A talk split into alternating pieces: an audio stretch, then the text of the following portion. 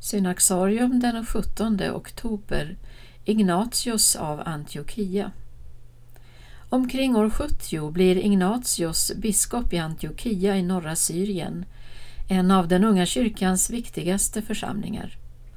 Han tillhör de apostoliska fäderna, urkyrkans mest betydande andliga ledare i generationen efter apostlarna. I sin person förenar Ignatius många av de drag som kom att bli utmärkande för de första århundradenas kyrkoledare.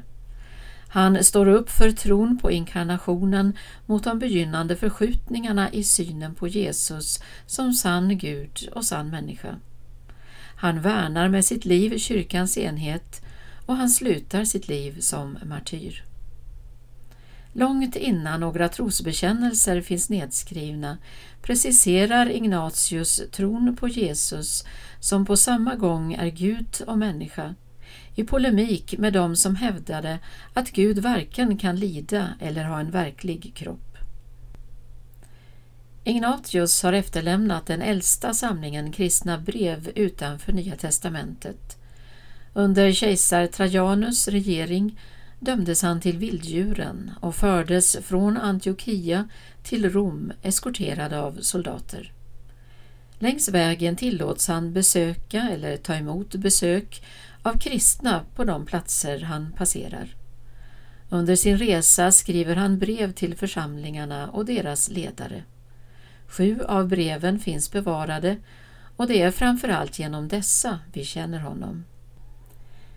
Breven från Ignatius penna ger en inblick i synen på martyriet i urkyrkan. När Ignatius får veta att de kristna i Rom försöker rädda honom undan kejsarens hand skriver han ett uppfordrande brev till dem och vittnar om sin längtan att bli lik Kristus i en död som hans. Han profeterar om sitt förestående martyrium. Jag är Guds vete och genom vilddjurens tänder blir jag mald så att jag kan visa mig vara ett rent Kristi bröd. Sin största betydelse har Ignatius fått som det tredelade ämbetets arkitekt i den tidiga kyrkan. Hans omsorg om kyrkans enhet präglar allt han skriver och det är mot den bakgrunden han utifrån Nya testamentet lägger den grund för hur församlingarna bör ledas som sedan bestått genom historien.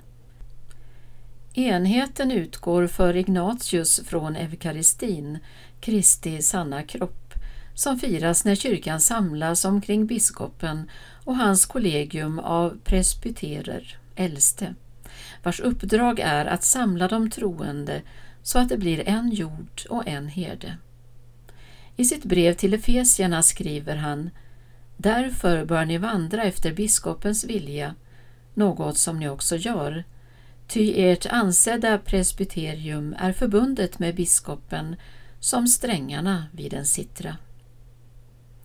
Ignatius blev enligt traditionen den första att som kristen lida martyrdöden på Colosseum i Rom, troligen år 110.